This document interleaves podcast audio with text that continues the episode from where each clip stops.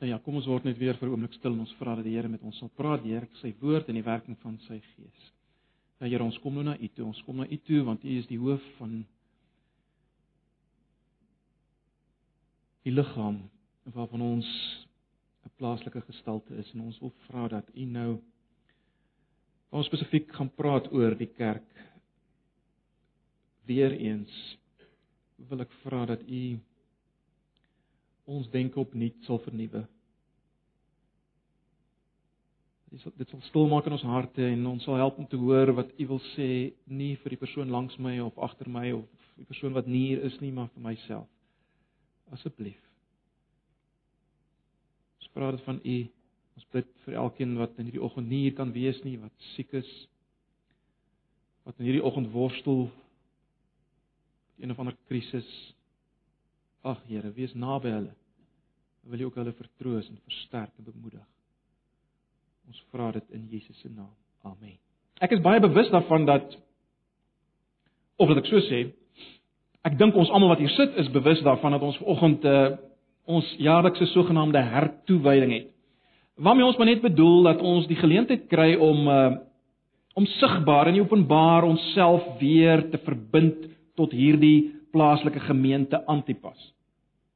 Ehm um, En ons doen dit deur vanoggend hier teenwoordig te wees en ons doen dit deur uiteindelik na die diens die nagmaal saam te vier. So verbind ons onsself weer tot uh hierdie plaaslike gemeente Antipas. En ek is baie bewus daarvan dat dit iets is wat nie normaalweg by uh by ander gemeentes gebeur nie en en, en juist daarom uh moet ons vra maar waarom doen ons dit? waarom doen ons dit? En my baie eenvoudige antwoord Kort en kragtig is dit. Omrede die gemeente en ons deel wees van die gemeente so ontsaglik belangrik is vir God. Omrede ons gemeente en ons deel wees van die gemeente so ontsaglik belangrik is vir God. Maar is dit? Dis miskien die vraag wat jy wil vra. Is dit regtig?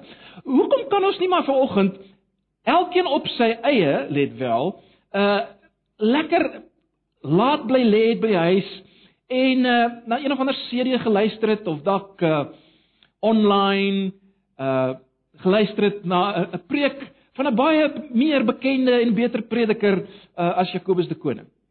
Hoekom kon ons dit nie gedoen het nie? En dis waarna ek wil hê ons moet vanoggend kyk. En omdat dit 'n hertoewydingsdiens diens is, het ek dit goed gedink om baie dinge wat ons reeds gesê het in hierdie verband te herhaal vanoggend.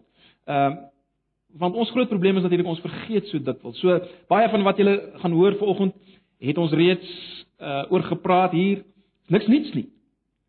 Uh So as jy iets hoor wat jy al gehoor het, ja, verseker het jy dit al gehoor, maar ons moet dit weer hoor by 'n geleentheid soos vanoggend. So wat ons vanoggend gaan doen is Ons gaan nie een gedeelte onder die loep neem soos gewoonlik nie. Ons gaan eh, doen wat ons noem 'n onderwerp spreek. Onderwerp spreek en en spesifiek dan oor oor hierdie vraag van uh die gemeente, die kerk en en en die belangrikheid daarvan. Nou, as ons net dink oor die die woord kerk, ek ek ek dink ek is verkeerd as ek sê die woord kerk het bietjie van 'n negatiewe uh woord of wat ek so sê dit het 'n negatiewe konnotasie gekry in die dag waarin ons leef. Ek dink mens kan net kyk na kerkbywoning in die algemeen en dan kan jy sien die die, die woord kerk het 'n negatiewe konnotasie gekry. Ek dink as daar aan kerk gedink word onwillekeurig selfs ons wat van beter weet, as jy die woord kerk hoor sonder dat jy jouself kan help, dink jy tog maar nog steeds aan 'n gebou, uh miskien met 'n toring en 'n klok. Of jy dink aan aan klomp redelik suur gesigte en en 'n klomp ouens met swart pakke wat die leiding neem. Baie mense is van oordeel dat in die kerk kom mense nie tot bekering nie. In die kerk is daar nie lewe nie en nie vreugde nie. Ander weer aan die ander kant van die spektrum, uh, dink waarskynlik aan die kerk as as as 'n soort van 'n sirkus met 'n groot band voor en mense wat rondspring en allerlei snaakse goed doen.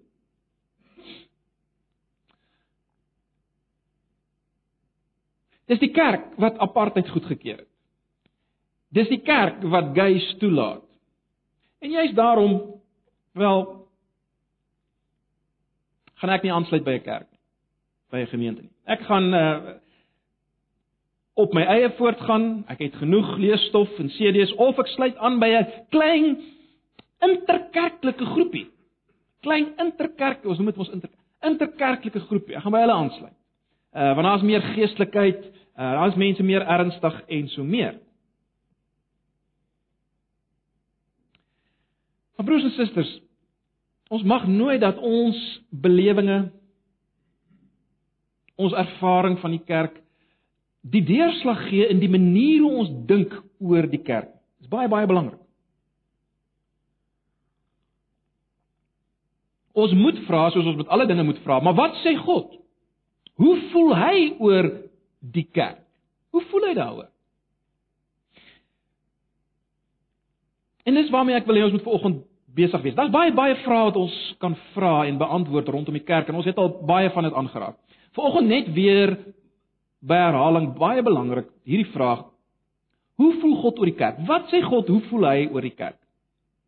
Nou voordat ons begin ontdek wat God sê oor die kerk, net baie vinnig moet ons besef dat daar is net een woord in die Nuwe Testament wat gebruik word vir kerk en ook vir gemeente. Soms word dit vertaal met kerk, soms gemeente.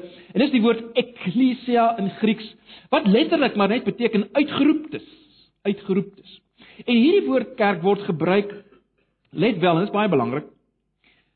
Dit word gebruik vir alle ware gelowiges in die hemel en op aarde, maar baie belangrik en ek gaan net sal net nou weer iets daarvoor daaroor sê.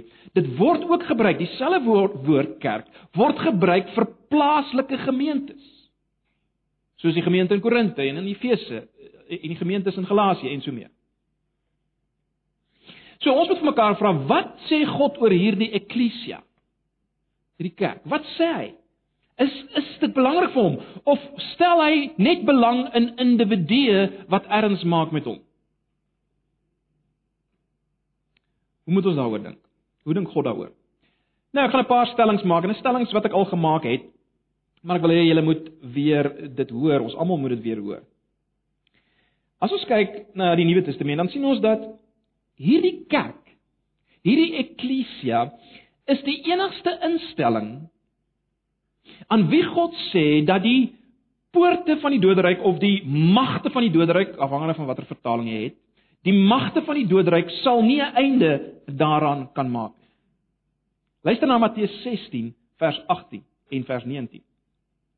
Dis Jesus wat praat. Hy sê: "En ek sê vir jou, jy is Petrus, en op hierdie rots sal ek my kerk bou of my gemeente bou."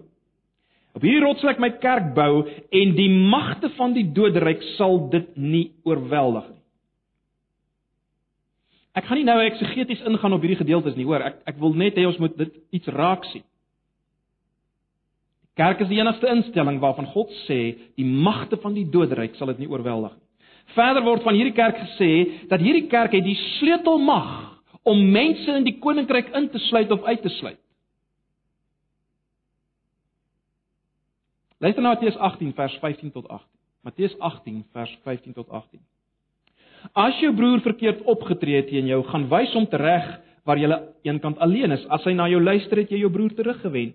Maar as hy nie luister nie, neem nog een of twee broers met jou neem nog een of twee met jou saam, sodat alles wat gesê word deur die woord van twee of drie getuies bevestig kan word. En as hy na hulle nie luister nie, sê dit vir die gemeente, die eklesia. As hy ook na die gemeente nie luister nie, moet jy hom as 'n heiden en 'n tollenaar behandel. Dit verseker ek julle, wat julle ook al op die aarde toesluit, sal in die hemel toegesluit bly, en wat julle ook al op die aarde oopsluit, sal in die hemel oopgesluit bly. Weerens, ek wil nie nou eksegeties hierop ingaan. Maar dit is 'n geweldige ding wat gesê word. Geweldige gesag wat gegee word aan die eklesia. Mense in die koninkryk in te sluit of uit te sluit. Dis wat hier staan, is dit nie? Verder is hierdie instelling die kerk die enigste plek waar jy verseker kan wees dat Christus teenwoordig is. Kyk, jy kan wonder of hy teenwoordig is daar in die Drakensberge of waar wat ook al. Maar, maar die enigste plek waar jy verseker kan wees dat hy teenwoordig is, is die kerk of dan die gemeente. Luister na Efesiërs 1 vers 22 en 23. Ja, aan hom, dis Jesus, het God alles onderwerp, hom bo alles verhef en hom aangestel as hoof van die kerk. Die kerk is sy liggaam, die volheid van hom wat alles in almal vervul. En dan Efesiërs 2 vers 20. Julle is 'n gebou. Let wel. Nie julle sit in 'n gebou nie. Julle is 'n gebou wat opgerig is op die fondament van die apostels en die profete. Ons nou daarvan gesing. 'n Gebou waarvan Christus Jesus self die hoeksteen is. In hom sluit die hele gebou, dis nou julle, saam en verrys dit tot 'n heilige tempel vir die Here. Dis nou julle. In wie julle ook saam opgebou word. Luister, as 'n geestelike huis waarin God woon. Hier is dit baie duidelik. God woon iewers, maar hy woon nie meer in 'n fisiese plek nie. Hy woon nou in hierdie gebou wat die gelowiges is. En dan in Openbaring 1 vers 20 tot 2 vers 2 lees ons en dit is die verborgde betekenis dis daai visioen wat Johannes gesien het. Dit is die verborgde betekenis van die sewe sterre wat jy in my regterhand gesien het en van die sewe goue lampe. Die sewe sterre is die leraars van die sewe gemeentes. En die sewe lampe is die sewe gemeentes. Skrywe aan die leraar van die gemeente in Efese. So sê hy wat die wat die sewe sterre in sy regterhand vashou en wat tussen die sewe goue lampe rondgaan. Ek weet alles wat julle doen.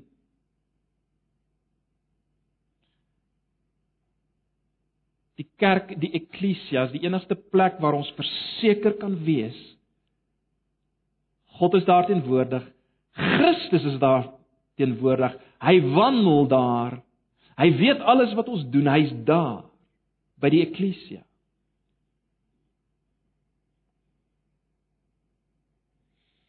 Van hierdie eklesia, die kerk word gesê dat Christus sy bloed daarvoor gestort het. Handelinge 20 vers 28. Pas julleself op en die hele kudde wat die uh, uh, Paulus praat met die ouderlinge voor hy weggaan daar, die ouderlinge van Efese. Pas julleself op en die hele kudde wat die Heilige Gees onder julle sorg gestel het, soos wagters se kudde versorg, so moet julle die gemeente of die eklesia van God versorg wat hy vir hom verkry het deur die bloed van sy seun, sy eie seun. Efesiërs 5 vers 25. Mans, julle moet julle vrouens lief hê soos Christus die kerk liefgehad het en sy lewe daarvoor afgelê het. En sy lewe daarvoor afgelê het vir die kerk, die eklesia. Van hierdie kerk word gesê dat dit die vertoonvenster is van God se wysheid wat deur al die owerhede en magte in die hemelruim gesien word. Die kerk is 'n vertoonvenster. Luister na Efesiërs 3 vers 10. Maar nou het God die ryke verskeidenheid van sy wysheid deur die kerk bekend laat word aan elke mag en gesag in die hemelruim. Van hierdie kerk word gesê dat dit die draer en beskermer van die waarheid is. Die die 83 ag 53 vertaling praat van die pilaar en grondslag van die waarheid. Hierdie kerk is die draer en beskermer van die waarheid. 1 Timoteus 3 vers 15. Ingeval my koms vertraag word, sê Paulus, sal jy dus weet hoe iemand hom moet gedra in die huisgesin van God. Dit is die gemeente van die lewende God. Die gemeente, sê Paulus, is die draer en die beskermer van die waarheid.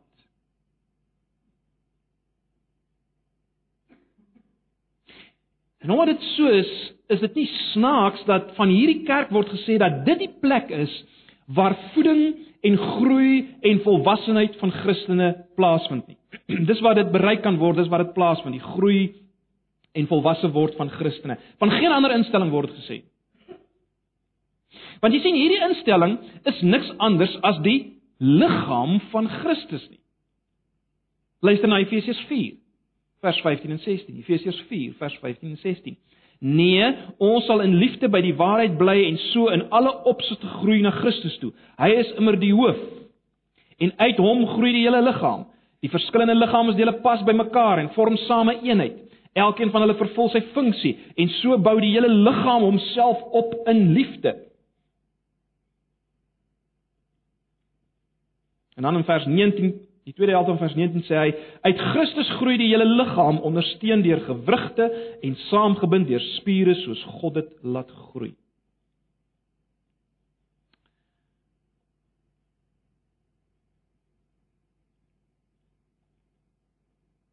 Geweldig is dit nie? Jy sien, dis die enigste plek waar jy kan groei. Saam, saam word die kerk soos die volwasse Jesus saam. Saam is in die kerk alles wat in Jesus vergestalte was, was is nou in die kerk. Al die gaas is nou in die eklesia. En en hierdie eklesia groei soos die verskillende lede bymekaar inhak as te waar. Dis dis die hele gedagte. So bou die liggaam homself op. Nou hierdie beeld van die van die liggaam gee myns insiens 'n geweldige belangrike sleutel tot die hele gedagte van die sigbaar onsigbaar kerkgedagte. Uh dink net vir 'n oomblik daaraan, Jesus was altyd sigbaar.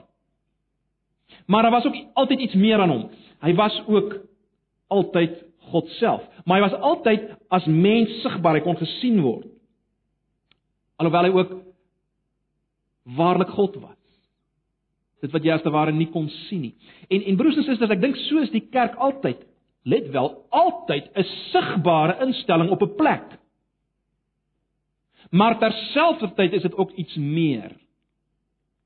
'n Skepping van die Gees. Maar goed, miskien iets meer daaroor later. 'n Sewende ding wat ek wil uitlig is dit. In die lig van wat ons nou gesê het, is dit geen wonder dat Jesus die kerk na die wêreld stuur soos hy na die wêreld gestuur is en let wel, soos God die volk Israel as volk gestuur het uh, in die Ou Testament. En en julle sal weet dit is 'n uh, 'n sleutelgedeelte vir ons as 'n gemeente in Antipas. Ons ons hele visie is daarop gebou. Luister net weer na Johannes 20.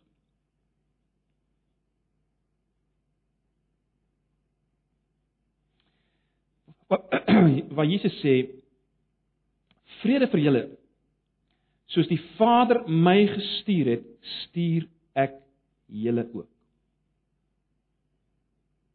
Johannes 20 vers 21. Vrede vir julle soos die Vader my gestuur het, stuur ek julle ook. Nadat hy dit gesê het, blaas hy oor hulle en sê: "Ontvang die Gees." Met wie praat Jesus hier? Ons het al baie vir mekaar gesê, Jesus praat met die 12. Maar hierdie 12 was die kerk, soos ek dit altyd stel, in embrio vorm. Hulle sou die kerk vorm en simbolies sê Jesus nou alreeds hier ontvang die Gees soos hy wat Jesus is die Heilige Gees ontvang het en deur die Heilige Gees uitgestuur is om die koninkryk van God sigbaar te maak. So sê hy vir hierdie 12: "Julle word nou so gestuur. Op julle is die Gees. Let wel op julle. Gesamentlik. Die 12, die kern van die kerk wat sou kom. En ons weet wat gebeur het op Pinksterdag. Jy sien, hierdie 12, hoekom is hulle 12? Want hulle is 'n nuwe volk. Hulle is die nuwe Israel. Die 12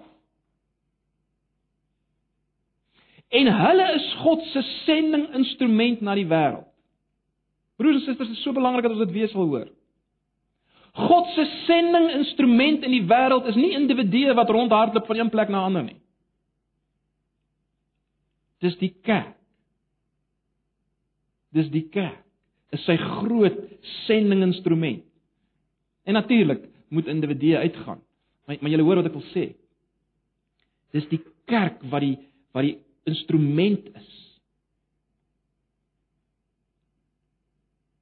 Petrus sê vir uh, die gemeentes aan wie hy skryf in 1 Petrus 2 vers 9 die, volgende en julle sal julle sal iets hoor.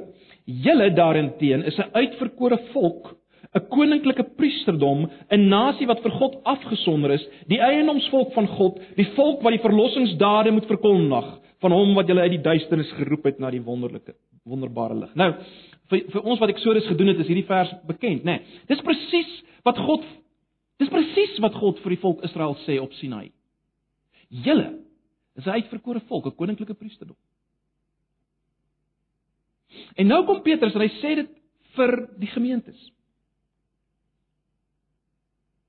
Jy sien, julle is nou die volk van God. En julle moet die verlossingsdade van God verkondig. En dis belangrik broers en susters, dink vir 'n oomblik aan die volk Israel. Ag, ons het al daaroor gepraat, maar die volk Israel is as volk gered uit Egipte. Hulle het nie as individue uitgehardloop uit Egipte nie. Hulle het nie as individue deur die woestyn gehardloop nie. Hulle het as volk deur die woestyn beweeg. Hulle het as volk die nuwe verbond ontvang op Sinaï. Hulle moes as volk die lig vir die wêreld wees en vir die wêreld wys hoe lyk dit as 'n volk in verhouding met mekaar, in 'n verhouding met God staan in al die fasette van die lewe. Dit moes hulle wys vir die wêreld. Hulle moes 'n lig wees vir die wêreld. Dis nou wat die kerk moet wees. In ons verhouding wees. As kerk is ons die lig vir die wêreld, die groot sendinginstrument.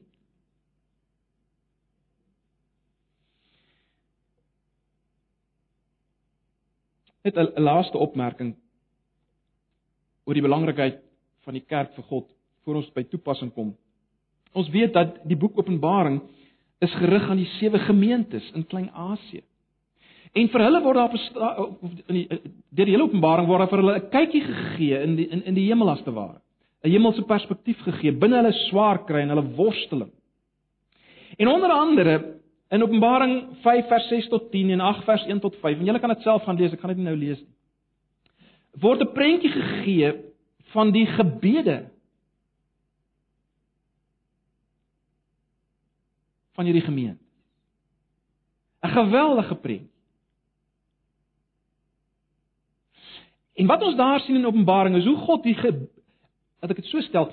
In die eerste plek hoe hy behaat in hierdie gebede. Hierdie gebede word beskryf as 'n as lieflike as 'n lieflike wierookoffer wat voor hom opgaan. Die gebede, die gesamentlike gebede van van die kerk.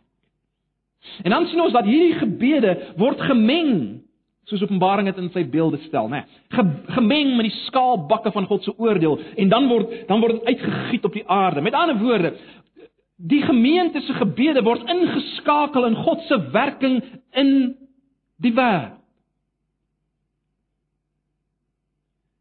Die kerk is saam met God betrokke in die werking in die wêreld. God gebruik hulle gebede. Ag, broers en susters, in die lig van dit alles, is dit is dit nie vreemd dat die apostels in al hulle werk konsentreer op gemeentes, nie op individue nie. En oral waar hulle beweeg, stel hulle ouderlinge aan om gemeentes te plant. En al die briewe wat geskryf is, is aan gemeentes geskryf. Ja, soms is dit gerig aan 'n individu soos Timoteus en Titus, maar individue as verteenwoordigers van 'n gemeente wat in 'n gemeente staan of 'n ouderling is en hulle moet vir die gemeente iets sê. Al die briewe.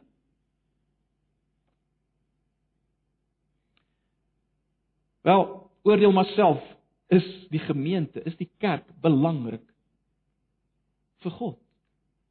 Oordeel self. Kom ons Kom ons trek nou 'n paar lyne deur, 'n paar implikasies.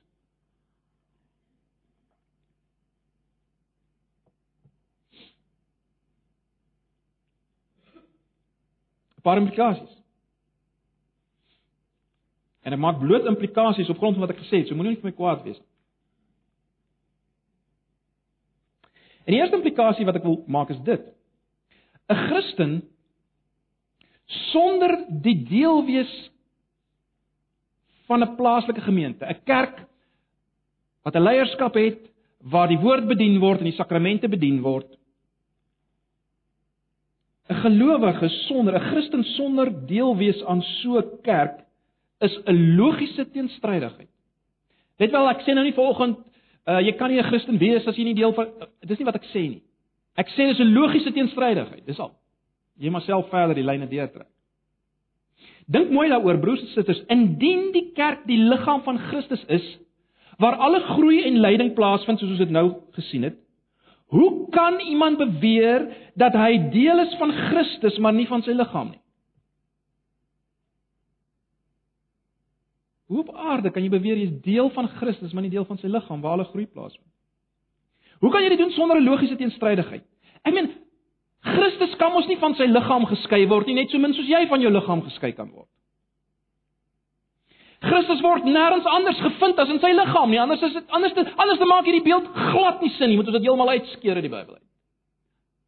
As hy nie gevind word waar sy liggaam is. So goed ek sê maar ek ek is nie heeltemal waar my liggaam is nie. Nee, dit werk nie so nie. Nou ek weet op hierdie punt sal sommige mense sê, ja ja, wag wag wag wag Jakobus, maar ek behoort aan die onsigbare kerk.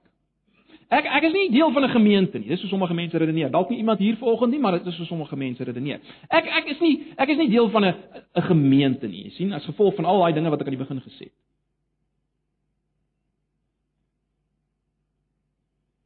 Wel, jou antwoord sal of so stel, jou antwoord sou geen sin gemaak het vir die apostels nie. Geen sin nie. Geen sin vir die apostels gemaak het nie. Want wat ons het gesien, die die die die kerk word ook genoem die huisgesin van God en ook in Efesiërs 2, ons het reeds in Petrus dit gesien. Die kerk word genoem die familie en die huisgesin van God genoem. Nou, 'n familie of huisgesin waarvan jy net 'n naam kan deel wees, maar nie sigbaar deel van kan wees en in kontak kan wees nie. Wel, dit dit maak nie sin nie, maak dit.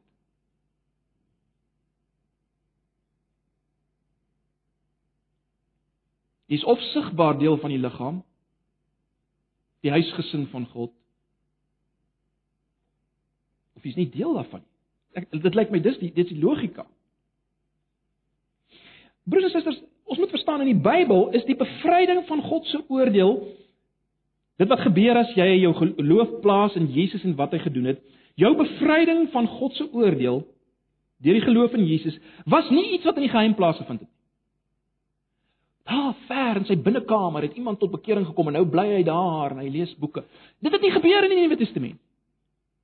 Dit het nie gebeur in die Nuwe Testament. Dit was 'n publieke feit.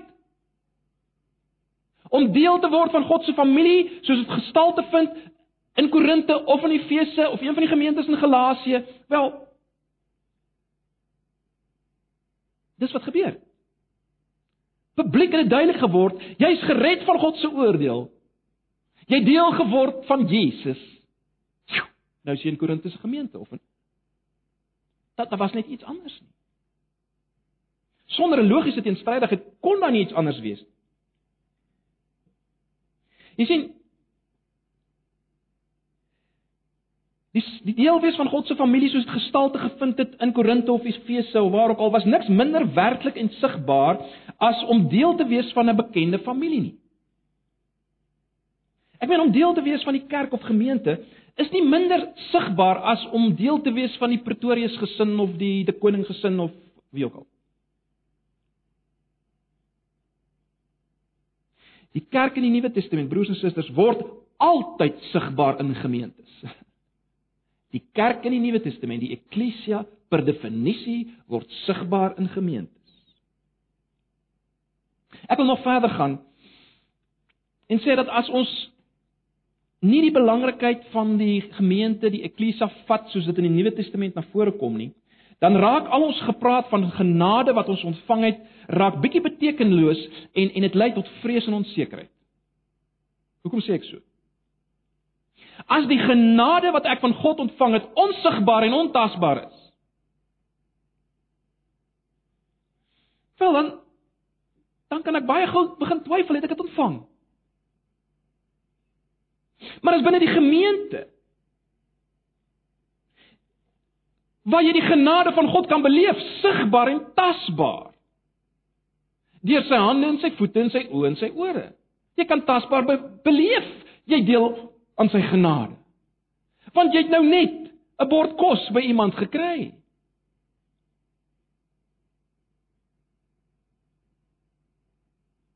Iemand het jou nou net uit jou finansiële verknorsing gehelp. Iemand het nou net saam met jou gebid, of wat die geval mag wees.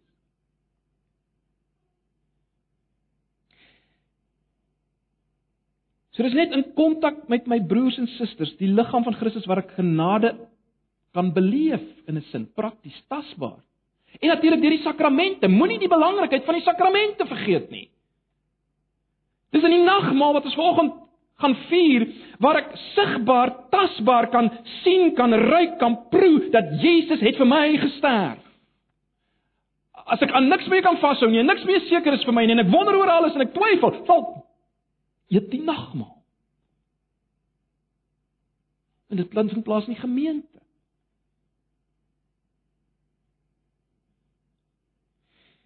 Broers en susters, as ons en natuurlik die doop ook is deel van die van die sakramente, né?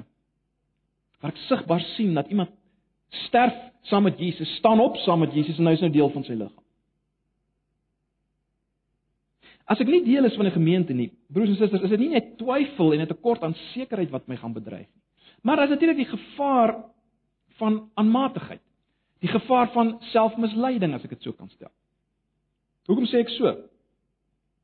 Jy sien, as die genade van God wat ek sê ek ontvang het, net 'n geheime werk in my is. Dan kan ek sê ek het dit ontvang, maar almal rondom my, of laat ek so sê, almal kan dit juis nie sien nie want ek is ek ek sluit myself af in die geheim. So ek kan daarop aanspraak maak dat ek genade ontvang het, maar ek gaan voort om totaal selfgesentreerd, selfgenoegsaam, onafhanklik my eie lewe te leef as 'n aanhalingstekens goeie persoon, heeltemal op my eie. Maar ek maak daarop aanspraak dat ek genade ontvang het, maar daar's geen manier waar waarop mense dit as te ware kan kontroleer nie. Want ek is nog net so selfgesentreerd en selfgenoegsaam. Ek doen my eie ding soos ek wil. Ek sê ek is dankbaar teenoor God, maar ek besing nooit sy lof openlik nie. Ek sê ek is afhanklik van Jesus, maar ek is nog ek was nog nooit afhanklik vir enigiets van sy liggaam nie. My broer en suster. Maar ek sê ek is afhanklik van Jesus. Maar ek Dit praatjies. Ek sê ek behoort aan Jesus, maar vir alle praktiese doeleindes is ek verantwoordelik teenoor niemand nie. Ek is nie verantwoordelik teenoor sy liggaam nie, maar ek sê ek behoort aan Jesus, maar ek is nie verantwoordelik teenoor sy liggaam nie. Nou hoe baie werk dit? Is wie wie weer eens maak dit prakties.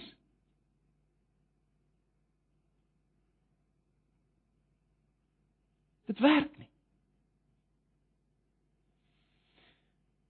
Broers en susters, sonder 'n verbondsgemeenskap word die evangelie 'n paar abstrakte punte, word Christen wees eintlik maar net 'n na-doodse versekeringspolis. Sonder gemeente wees, sonder die nuwe verbondsgemeenskap. En daarom kan die Hebreërs skrywer dit so kragtig stel. Ons het dit gedoen, Hebreërs 10. Luister net weer na Hebreërs 10 vanaf vers 23. Laat ons die belydenis van die hoop onwankelbaar vashou, want hy wat dit beloof het is getrou, en laat ons op mekaar ag gee om tot liefde en goeie werke aan te spoor. En laat ons ons onderlinge byeenkomste nie versuim soos sommige die gewoonte het nie, maar laat ons mekaar vermaan en dit des te meer na mate jy die dag sien naderkom, want as ons opsetlik Sondag nadat ons die kennis van die waarheid ontvang het, bly daar geen offer vir die sonde meer oor nie, maar 'n verskriklike verwagting van oordeel en vuurgloed wat die teenstander sal verteer. As iemand die wet van Moses verwerp het, sterf hy sonder ontferming op die getuienis van 2 of 3. Hoeveel swaarder straf dink julle sal hy verdien wat die seun van God vertrap het en die bloed van die testament waardeur hy geheilig is onrein geag het en die gees van genade gesmaak het? Uh, gesmaak het, ekskuus.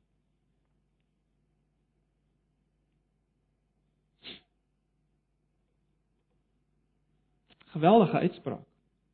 En ons het nou tyd om om om in besonderhede op in te gaan nie, maar broers en susters, dit is baie duidelik dat die gemeente en sy onderlinge byeenkomste, let wel.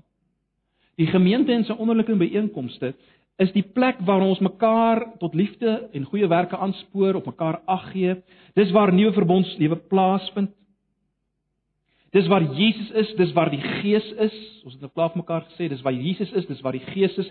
Implikasie as jy dit geringag as jy nie deel daarvan is nie?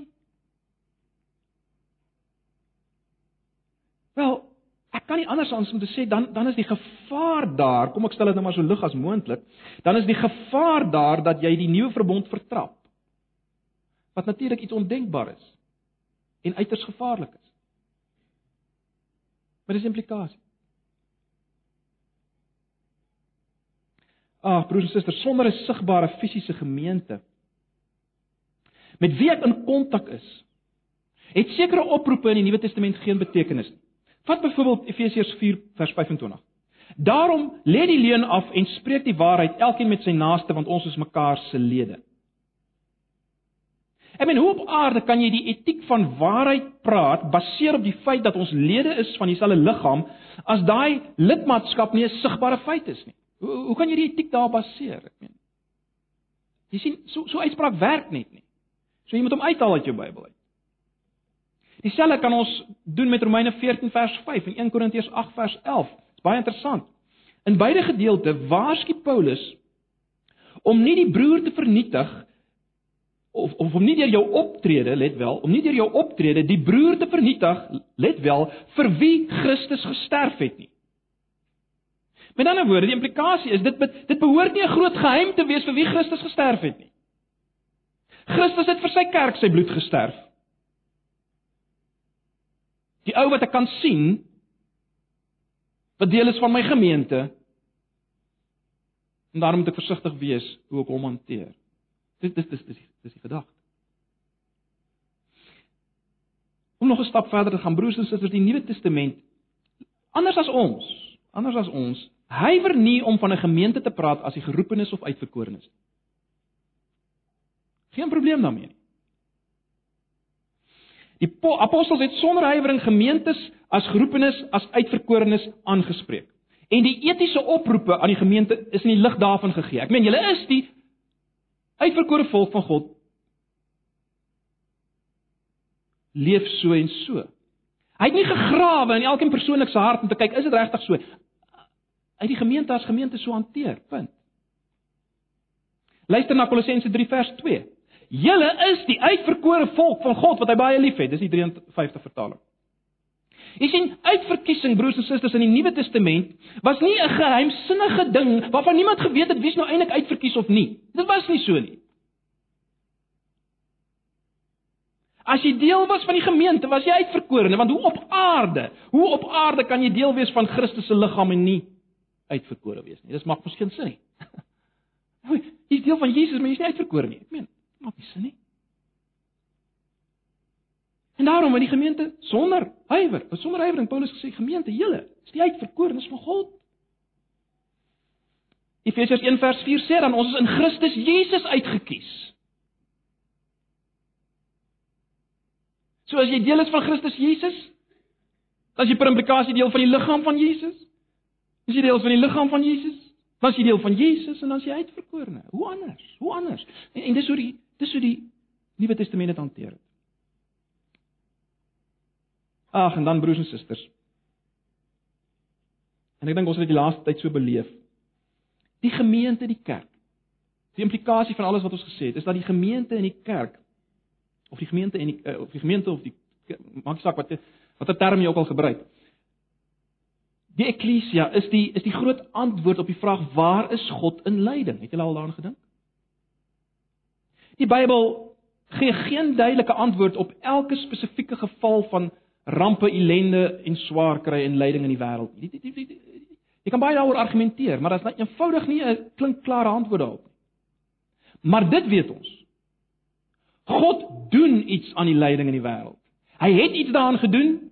Hy doen nou iets daaraan en hy gaan eendag daaraan iets doen in die nuwe werklikheid. En hoe doen God nou iets aan lyding? Wel deur sy liggaam. Deur sy liggaam deur sy liggaam. En ek dink ons het dit beleef, né? Nee, ek daaroor gepraat by die gedenkdiens ook. Ons het iets beleef met die met die brink gesin. Hoe versterk God? Hoe vertroos God? Hoe help God in lyding? Wel, nie net op 'n geestelike manier nie. Hy doen dit ook, versterking innerlik en so meer, maar hy doen dit baie prakties broers en susters deur sy liggaam. So. Die groot antwoord, waar's God in lyding? Kyk, die wêreld vra altyd, waar Waar's God in al hierdie lyding? Wel, gaan kyk 'n bietjie op die grond en dan sien jy waar's God in hierdie lyding. Oral oor die wêreld. So dis die groot antwoord daar. Ek sluit af. Ag broers en susters, ek ek hoop julle verstaan. Ek hoop ek self verstaan vanoggend meer en duideliker hoekom hoekom oneenigheid in 'n gemeente. Hoekom tweedrag en skinderpraatjies? Hoekom slapgheid in betrokkenheid en bywoning en deelname? Hoekom al hierdie dinge ernstig is? Saak maak. Dit maak saak as as dit wat ons gesê het waar is, as hierdie stellings waarmee ek begin het waar is. Jy sien, ons kan nie sommer ligtelik praat oor die oor die kerk se sus en die kerk maak nou weer so behalwe as ons besef dat ons per definisie van onsself praat en dat ons praat van God se oogappel nie. En dan is baie duidelik vir mekaar sê vanoggend. Die feit dat die kerk God se oogappel is, soos ons dit nou beskryf het, beteken nie die kerk is perfek en sondeloos nie. Inteendeel. Gaan kyk wat word gesê van die Korintiese gemeente. Wat het daar plaasgevind? Jy kan dit nie glo nie, maar van dieselfde gemeente word gesê: Julle is die heiliges, julle is die uitverkorenes. Van dieselfde gemeente. Ag broers en susters. As dit wat ons vanoggend gesê het oor die kerk nie waar is nie, dan dan moet ons nie ons tyd verder mors om om deel te wees van 'n gemeente nie. Dan moet ons regtig eerder na beter preke op die internet luister. Die punt vanoggend is dit. In die lig van wat ons gesê het. Jesus, God, die Heilige Gees is hier waar ons bymekaar is as sy gemeente. Of is nou nie of dit nou hierdie gebou is maak nie saak nie. Enige plek waar ons bymekaar is.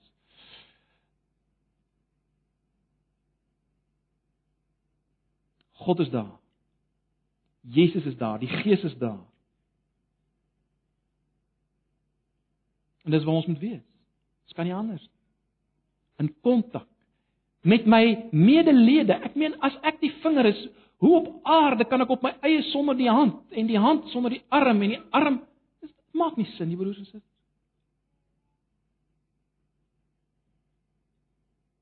Om enigstens te kan funksioneer, moet daar kontak wees. Is dit nie? Noue kontak. En dis waarvoor ons deel is van 'n gemeente.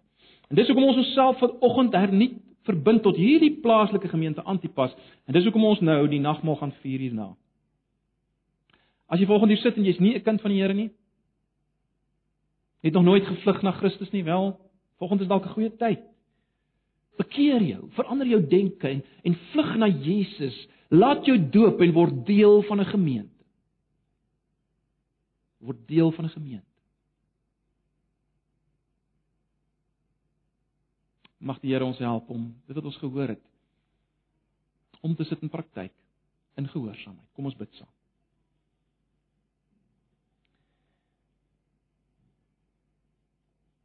Ag Here baie dankie vir wat ons nou gehoor het. Dankie vir u woord.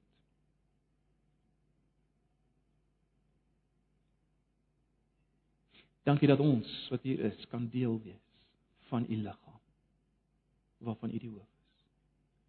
En ons wil in hierdie oggend vir u sê, ons wil onsself weer verbind tot hierdie plaaslike gestalte. Ons vra dit in Jesus se naam. Amen. Terwyl ons so sit, ehm um, voor ons gaan saam eh, 'n uh, laaste lied gaan sing. Wil ek nou vir ons die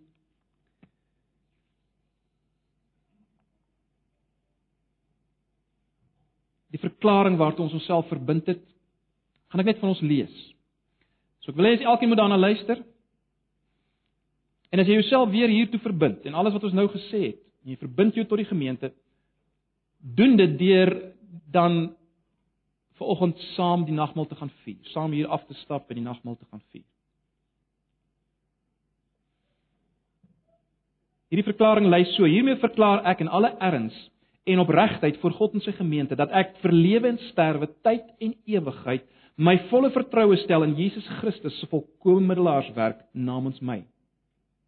Dat ek sy omvattende en lewenslange beslaglegging op my persoon, lewe en besittings met blydskap en dankbaarheid aanvaar dat ek my lewe totaal aan hom as koning toegewy het en dat ek die ernstige en opregte voorneme het om deur sy genade hierin te volhard tot en met my laaste lewensuur.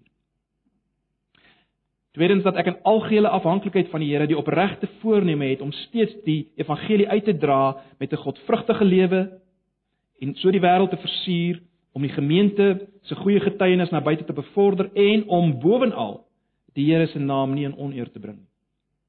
Derdens verklaar ek dat ek my volgens die riglyne van die skrif aan my broers en my susters in die gemeente toewy. En dit beteken onder meer dat ek saam met hulle die Here in gees en waarheid wil dien en dat ek in biddende afhanklikheid hulle na my beste vermoë wil lief hê. Dat ek in opregtheid, openheid, betroubaarheid, lojaliteit en hartseenheid met hulle wil saamleef en die Here vertrou om my steeds daartoe in staat te stel. En dan baie belangrik dat ek hulle versoek om my volgens Bybelse riglyne te vermaan en selfs onder die tug te plaas wanneer nodig. Wat natuurlik as finale stap afsnyding sou insluit. Indien ek volhardend en onberoulik volgens die skrif sou sondig.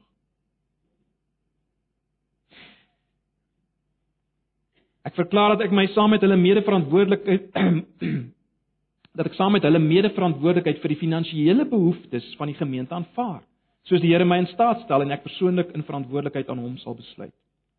En dan baie belangrik dat ek die basiese byeenkomste van die gemeente gedissiplineerd na my beste vermoë sal bywoon en my broers en susters op hoogte sal hou wanneer dit by geleentheid of oor 'n langer tydperk vir my onmoontlik is. Vierdens dat ek die gemeente se se ouderlinge versoek om pastorale verantwoordelikheid vir my te neem, dat ek ook van my kant hulle bediening sal opsoek. En dis baie belangrik, wanneer nodig. En dat ek my binne redelike en Bybelse perke onderwerp aan hulle leiding en inspraak in soverre dit my lewenswandel, my verhouding met die Here en medegelowiges as ook my getuienis teenoor die wêreld raak.